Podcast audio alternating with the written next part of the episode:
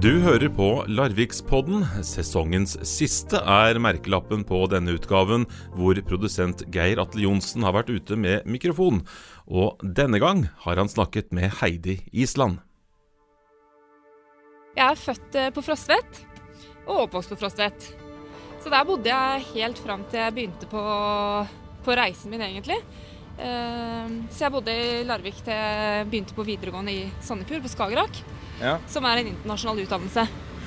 Og da ble det, det Der er de veldig gira mot å søke eh, spesielt til England, da. På universiteter i England. Og da, da var det egentlig ganske enkelt å ta det steget videre. Men hvorfor valgte du å gå på Skagerrak? Det, det var ganske enkelt fordi at eh, jeg følte ikke at det var nok utfordringer på, på den skolen jeg gikk på. Jeg følte at jeg trengte mer. Og så ble jeg anbefalt av en fantastisk lærer jeg hadde, som sier at eh, hvis du trenger mer, litt tøffere, tøffere lære og tøffere fag, så søk deg på Skagerrak. Når startet det at du ble bevisst på å ville noe mer enn det tilbudet du fikk? Nei, det, det var egentlig litt sånn, altså, uten å føle at jeg skryter for mye, men jeg hadde seksere i alle fag. Og jeg følte at det var ikke nok utfordringer, rett og slett. Så jeg trengte, jeg trengte et miljø rundt meg da, hvor, jeg kunne, hvor jeg kunne kjempe litt mer. For å ikke bare sitte der og, og liksom egentlig kjede meg litt. For det var jo det jeg gjorde. Var det noe du gjorde allerede som barn, eller? ja, det var det. Jeg, når jeg begynte på barneskolen, så måtte jeg sitte på gangen veldig mye. Fordi jeg kunne skrive og lese og alt det her. Så jeg ble sittende og tegne flagg, da. Alle verdens flagg. på biblioteket. Så jeg begynte jo egentlig å kjede meg ganske tidlig, kan du si. Sånn og trengte litt ekstra utfordringer.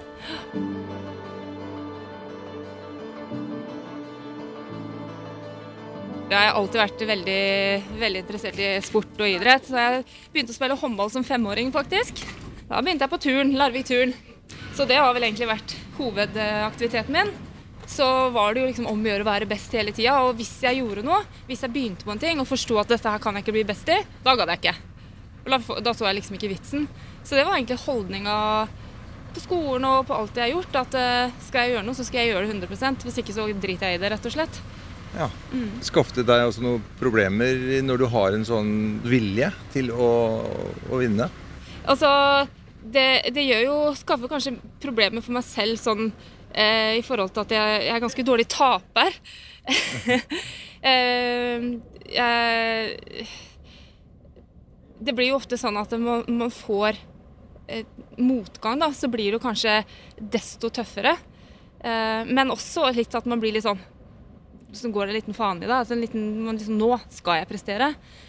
Men eh, jeg, det har egentlig ikke skapt noe motgang sånn utad, fordi Nei, det, jeg Nei. føler at både venner og familie og alle rundt meg har syntes det har vært kult, selv om det har vært litt annerledes vei. da. Så har de alltid heia på, på det jeg har gjort og, og de fagene. Jeg hadde jo eh, Jeg gikk jo på videregående skole mens vennene mine gikk på på en måte vanlig videregående, og de var russer og de festa og sånne ting. Og jeg var jo på en måte med, men forskjellen var at jeg, jeg sto opp om morgenen og, og leste, eller at jeg satt på et rom og leste mens de hadde det gøy, liksom. Så det, det var jo litt sånn, blir jo litt outsider på en måte, men det, det var aldri noe, aldri opplevd at det har vært noe problematikk i forhold til det. sånn. Nei. En sånn type vinnerskalle hos eh, ei drivende dyktig jente eh, var ikke hverdagskost. Eller hva sier du til det? Nei, når det gjelder sport, så, så er det jo veldig akseptert. Om man er kvinne eller man er mann, så, så, så følte jeg at det var veldig akseptert. Eh, I skole så eh, Jeg har aldri opplevd en eh, diskriminering eller noe eh, fordommer i så måte. Man har vi kanskje merka det litt mer i businessverden. Mm.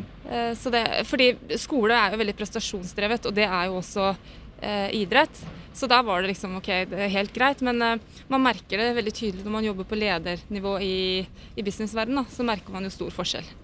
Ja. Føler du at du har med deg mye av liksom, den idrettskulturen og den holdninga der med deg i det du driver med og har drevet med? Ja, absolutt. Eh, 100% Det var jo kanskje en av de første tinga jeg oppdaga med meg selv når jeg begynte å jobbe. Eh, dette her med å, Jeg har jo alltid vært kaptein og midtbekk og liksom en organisator. Ja. Så det følte jeg at det var veldig fordel når man skal jobbe som leder senere. fordi eh, som en midtbekk som jeg spilte da, så må man hele tida se alle rundt seg, men samtidig også ta ledelsen og liksom være den som kjører på når det gjelder. Eh, så, og dette her med teammotivering det er noe jeg har brukt veldig mye senere. fordi hvis man skal få et team opp og levere og slike ting, så nytter, da må man liksom ha den der ekstra lille piffen. da eh, og ha sånne motivasjonstaler og sånne ting. Så jeg tror det fundamentale som jeg lærte i idretten, disiplin, eh, motivasjon, team eh, og, og, på en måte eh, ja, spesielt da ønsket om å vinne, det har, det har hjulpet meg veldig mye seinere i, i business.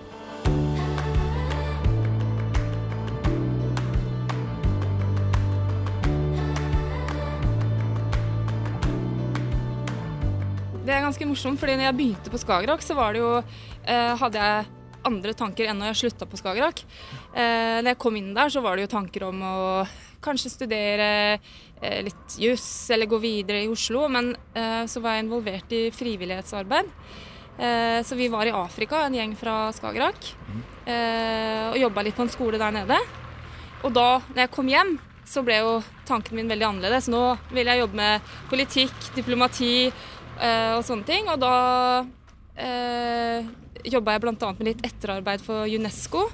Fikk en pris for det og liksom, jeg fikk vann på mølla. Og da jeg, søkte jeg opp et universitet i England, i Canterbury, som var, spesialiserte seg på politikk. Og så endte jeg opp der. Du, Hva slags pris var det du fikk?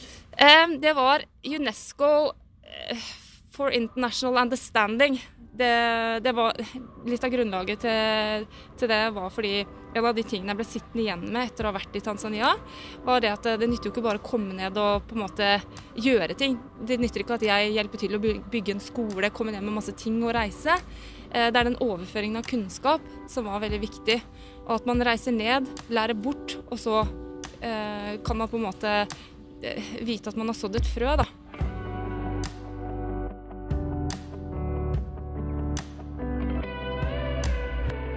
Hva var det du studerte i Canterbury? Det var eh, internasjonal politikk og internasjonal juss var, var faget jeg studerte da.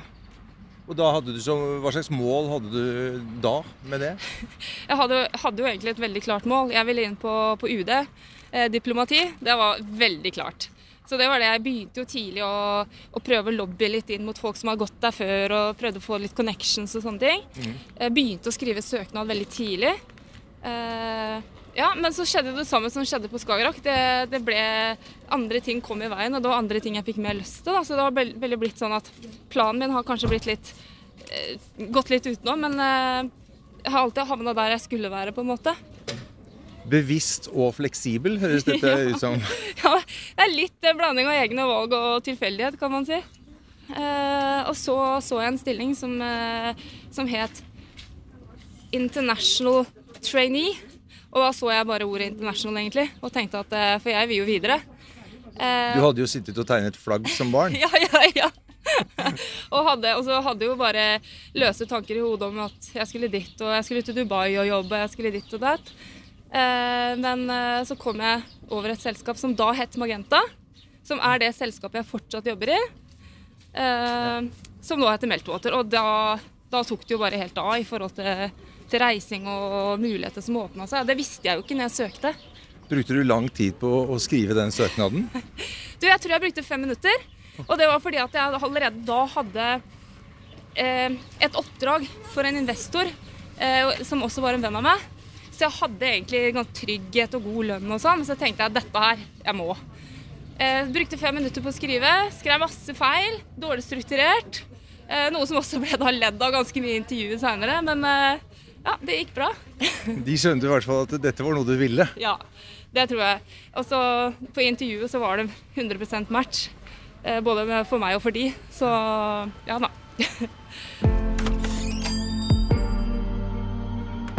Kan vi få to kaffe? Hvordan var første arbeidsdagen? Det var egentlig over all forventning. Jeg hadde ingen anelse om hva jeg gikk til, hva selve jobben innebar. Jeg hang meg veldig opp i det der International Management Trainee-greiene. Eh, kom inn på kontoret og så egentlig mange folk med headset, telefoner, data. Eh, og så bare et enormt buzz. Eh, og jeg ble egentlig litt sånn OK, hva er det jeg egentlig skal drive med her? Forsto ikke helt hva jeg hadde søkt på. Eh, så de neste to ukene fikk vi opplæring og ble kjent, da. Og det jeg opplevde da, det var jo en eh, det var jo en startup. Et uh, software as a service-selskap som var helt i startup-fasen. Hvor det satt da gründeren satt der, alle tech-folkene satt der. Alle de da som er i toppledelsen i dag, satt jo der og solgte produktet og prøvde det på markedet. Uh, så det som var rundt meg, var ekstremt dynamisk, veldig spennende. Mange mennesker å, å på en måte se opp til og ha som forbilder, både da og også seinere.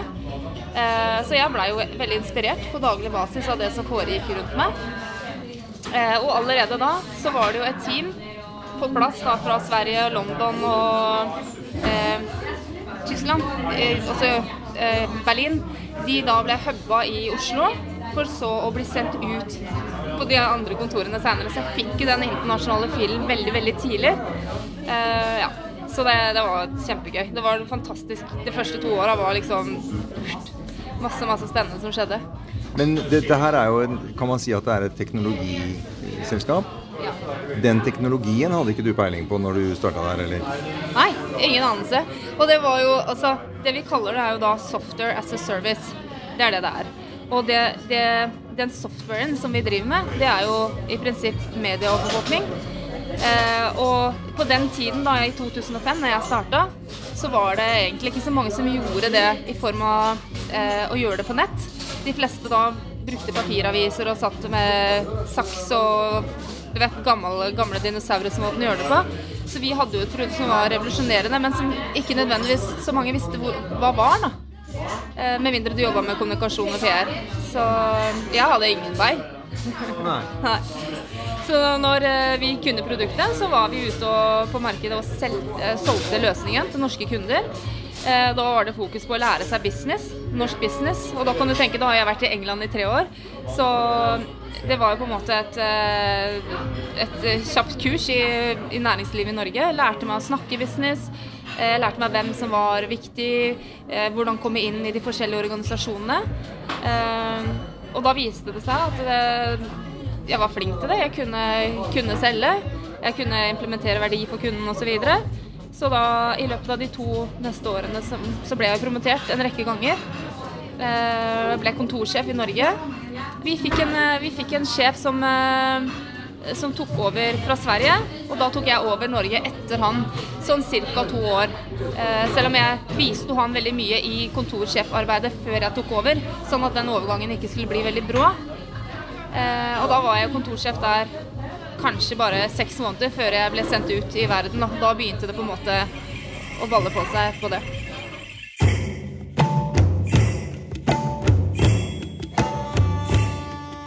Nei, jeg skulle sette opp kontorer i Asia. Eh, jeg fikk beskjed om, eller spørsmål da, om jeg ville sette opp vårt kontor i Singapore. Eh, Dvs. Si, finne folk som kan selge, finne alt ifra kontor til eh, samarbeidspartnere, altså jurister, eh, regnskap osv. Og, så og rett og slett sette opp business. Ja. Hadde du gjort det før? Nei. Altså, jeg hadde jo aldri vært i Asia. så det Nei, jeg hadde ikke gjort det før. Jeg eh, dro først til Hongkong og var der et par uker. Eh, og da tok jeg med et team fra Hongkong over til Singapore. Eh, vi bodde på hotell i begynnelsen mens jeg leita etter leilighet. Eh, vi rekrutterte fra det hotellet. Vi fant leiligheter og sted å bo. Vi fant eh, kontor. Så alt gikk ut ifra Altså vi gjorde, vi gjorde alt fra det hotellrommet, kan du si, da. Så det var jo veldig gøy når man ser tilbake på det. Når vi satt der med over 500 søknader eh, og leste gjennom på et lite hotellrom, så, og ikke hadde kontorer enda, og ikke hadde ditt og ikke hadde datt, så var det jo litt skremmende. Men altså, man lærte jo enormt mye av det å sette opp en business i et helt nytt land. Så, så man, man, blir jo tvungen til å lære seg ting som man ikke kan fra før. Da, eventuelt sånne ting som regnskap og det juridiske, hvordan man setter opp kontrakter i andre land osv. Så, videre. så læringskurven var rimelig bratt.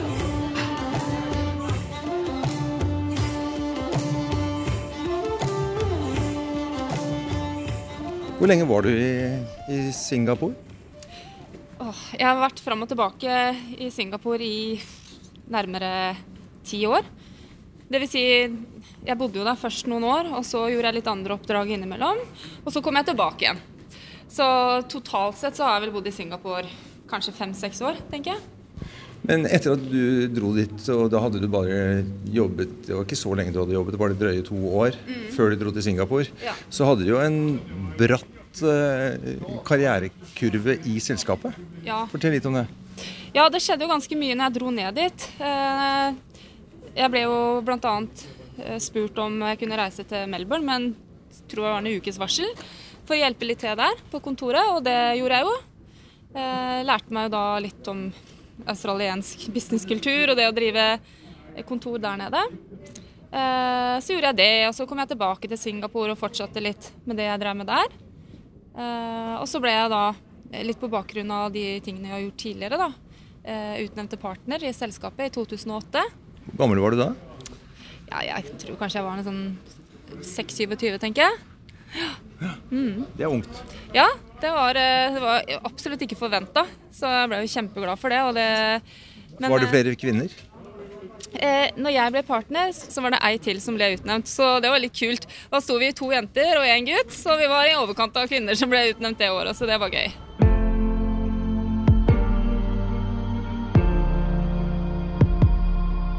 Og så ble jeg henta tilbake til, til Norge for å drive Sette opp en annen produktlinje sammen med team. Og det var kjempegøy å komme tilbake da etter å ha vært i Asia, bygge opp noe nytt og et helt nytt produkt og sånne ting. Eh, og da var det vel et år etter det, så ble jeg eh, promotert til, noe, til, til ledergruppa i, i Meltwater, da. Eh, som noe som heter Area Director. Eh, skulle være ansvarlig for et team eh, globalt.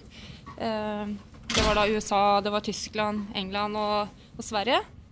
Eh, og sette opp da eh, sette opp det teamet her, finne metodologi, eh, reise rundt da på kontorene. Så da ble det en helt annen reise den veien igjen. Ja. Hvor mange kvinner er det som er i lederstillinger i din bransje som du vet om? Nå jobber jo jeg kan du si, litt i media, eh, litt i software og slike ting, som kanskje ikke er helt, i hvert fall ikke software-bransjen, som tradisjonell kvinne, eh, kvinneyrke, da, hvis man tenker litt på den tek eh, teknologiske siden. Men eh, jeg ser jo det at selskapet vårt, der har det jo utvikla seg til å bli mange kvinner som etter hvert har tatt lederstillinger. Og ikke bare kvinner, men også mødre. Så det er jo kjempepositivt å se at man kan både være mamma og man kan være kvinne, og man kan fortsatt sitte og ha litt å si i selskapet. For det er flott man faller på utsida når man tar de valgene, da. Jeg leste noe om deg eh, på hjemmesidene, og, og det får jo følelsen av at du har hatt et selskap som har fanga deg opp, tatt vare på deg, gitt deg muligheter som man bare kan drømme om, egentlig. Ja, og det er jo egentlig derfor jeg har vært der i 14 år. Jeg føler meg jo hjemme når jeg kommer på kontorene våre, uansett hvor i verden det er. Eh, og de har tatt utrolig godt vare på eh, for det første karrieren min, men også i den perioden jeg har vært borte i mammaperm. Og nå når jeg kommer tilbake etter mammaperm, så har det vært fasilitert og tilrettelagt. og jeg har fått blomster tilsendt, jeg har fått barneklær tilsendt. og Det har vært, det er, som, det er ikke bare en jobb, men det er en livsstil og en del av familien min, kan du si.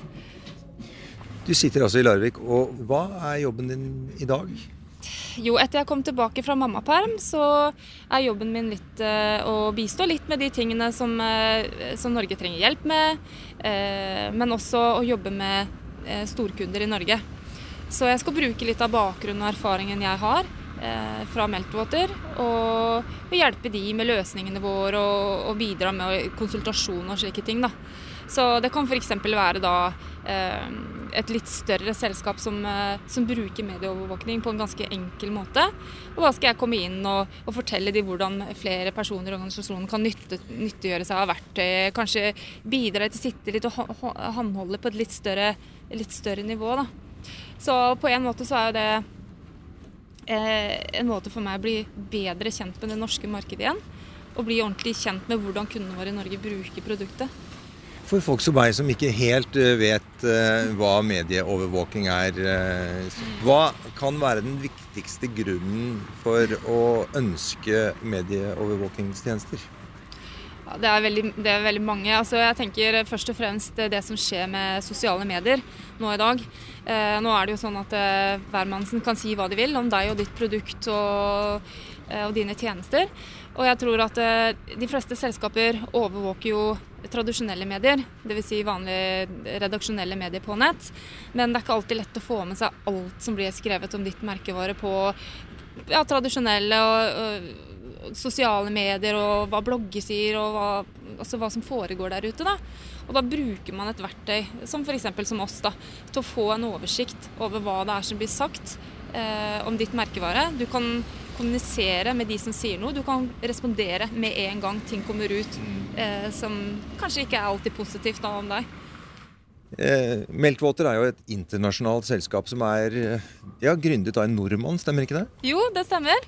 Det er Jørn Lyseggen som er gründeren. og han er faktisk fra Trysil, av alle verdens storbyer. Det er også mulig å få det til hvis man bor i Trysil. altså. Ja, ja, ja, man må ikke være tilknyttet havet. Nei. Nei.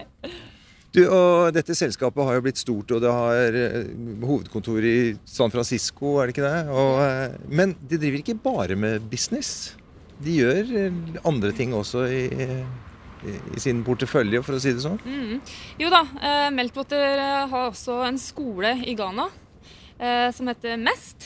Det som er fokuset der nede, er jo litt, litt på en måte å gi tilbake til samfunnet. da. Um, det vi gjør der nede, det er rett og slett å gi unge ghanesere mulighet til å, ta, til å få en utdannelse, først og fremst. Um, og så hjelper de da til å bringe businessideen sin videre ut i verden. Så da kommer de da til skolen vår, de søker på skolen vår. Uh, og da er det ting som salgstrening, det er ting som koding og opplæring i IT og sånne, sånne ting, som blir da uh, med i kurikulum der. Uh, og etterpå det så kommer de da inn i noe som heter inkubator. Da hjelper, da hjelper Meltwater eh, disse unge entreprenørene eh, til å pitche ideene sine, til å selge ideene sine, og eventuelt da senere sette opp business. Mm. Så det er på en måte eh, det er jo en måte, igjen litt som jeg snakket om tidligere med det jeg jobbet med UNESCO, det er jo da å ta og fasilitere og bidra med kunnskap. Sånn at disse unge ghaneserne da kan være selvforsynt, klare seg selv, sette opp business og eh, ja, hjelpe til den lokale økonomien. Mm. Så det er jo et prosjekt som har skapt enormt eh, internasjonal interesse senere tid. Vi har hatt masse store navn der nede på besøk. Vi har fått priser, oppmerksomhet verden over for dette her. Vi hadde bl.a. Bono mm. på besøk der nede.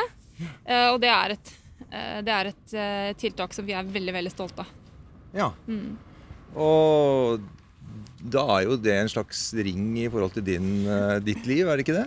Jo, og det var også det var veldig, det var veldig morsomt å se når vi skulle starte med dette her. Uh, for tanken min var jo i utgangspunktet å jobbe med uh, ja, diplomati, eller komme tilbake til Afrika og bidra der nede. For det var jo det som starta hele det internasjonale engasjementet mitt, på en måte. Så, så det at vi er i Ghana, det det gir litt hjerte til businessen, i tillegg til det at man, man sitter og driver med forretning hver dag. Så har man også det, det prosjektet der, og det, det, det, er godt. Når du eh, var i Singapore eller Melbourne, du har jo vært mange andre steder også, eh, og noen hadde spurt, eller sagt til deg at vet du hva, en vakker dag kommer du til å flytte tilbake til Larvik. Hva hadde du tenkt og sagt da? Da hadde jeg sagt aldri i verden. For det, det, var umulig å forestille seg. Jeg var jo veldig mye hjemme i forbindelse med jul og kanskje litt på sommeren, men jeg så aldri for meg at eh, jeg skulle flytte hjem etter, eh, etter å ha sett hva som var der ute, da. Nei. Så hva var det som skjedde? Du er jo her nå. ja, det er jeg. Eh, og det som egentlig skjedde, var vel at den biologiske klokka tikka veldig høyt. Jeg begynte å forstå at jeg ønska familie, jeg ønska barn. Eh, og da ble det naturlig for meg å komme nærmere familie og støtteapparat. Eh, jeg kom hjem til Norge, først til Oslo, da, og jobba litt på kontoret der. Eh, men når jeg ble da gravid, så flytta vi hjem til Larvik. Har du vært litt redd for å miste jobben, miste det å reise rundt? Har det vært i bakhodet? Nei, det har det ikke vært. Fordi at eh, jeg vet at eh, hvis jeg vil ut igjen, så, så kan jeg gjøre det. Og jeg er ikke noe redd for at de mulighetene er der hvis jeg har lyst. Men, eh, men man tenker jo litt annerledes når man blir forelder, og da, da, da ser man f.eks. Larvik med helt andre øyne. Før så syntes jeg jo Larvik var en veldig kjedelig by, og det var jo ikke noen muligheter her. Og, og liksom eh, eh Etter en, da, en, dag eller to her hjemme så, så følte jeg at jeg savna mye energien og, og den, den, det pulserende livet da, som man får ofte i litt større byer. Men, eh, men det, det, jeg føler nå, er jo det at Larvik er en veldig trygg by. Eh, det er utrolig mye muligheter. Vi har sjøen, vi har skogen, vi har masse flott natur. Uh, mye kjempefine folk, kreative mennesker ikke minst, som bor her. Og så er det, Man kjenner liksom på akkurat i den fasen Larvik er i nå, så kjenner man også på at folk brenner veldig på at det, Larvik i mitt hjerte. da. Man, man, ser jo det at folk har veldig engasjement for det som skjer og det som skal skje med Larvik. Og jeg kjenner jo det at det, det, er, det er, veldig gøy å bo i en by som man altså Man har jo røtter her, og man kan engasjere seg litt i de tingene. Så det å bo i Larvik for meg nå, det er Eh, et valg, og jeg ønsker å bo her eh, med barna mine, i hvert fall for en god stund. da, For det Larvik har å tilby for, for barna mine, og for meg sjøl, selv, selvfølgelig. Det var det vi hadde i denne siste utgaven av Larvikspodden for sesongen. Men følg oss på Facebook eller på larvikspodden.no. Der ligger også de 30 foregående episodene. Ansvarlig for podkasten er Geir Atle Johnsen, og podkasten produseres av Virvel. Jeg heter Tormod Ugelstad.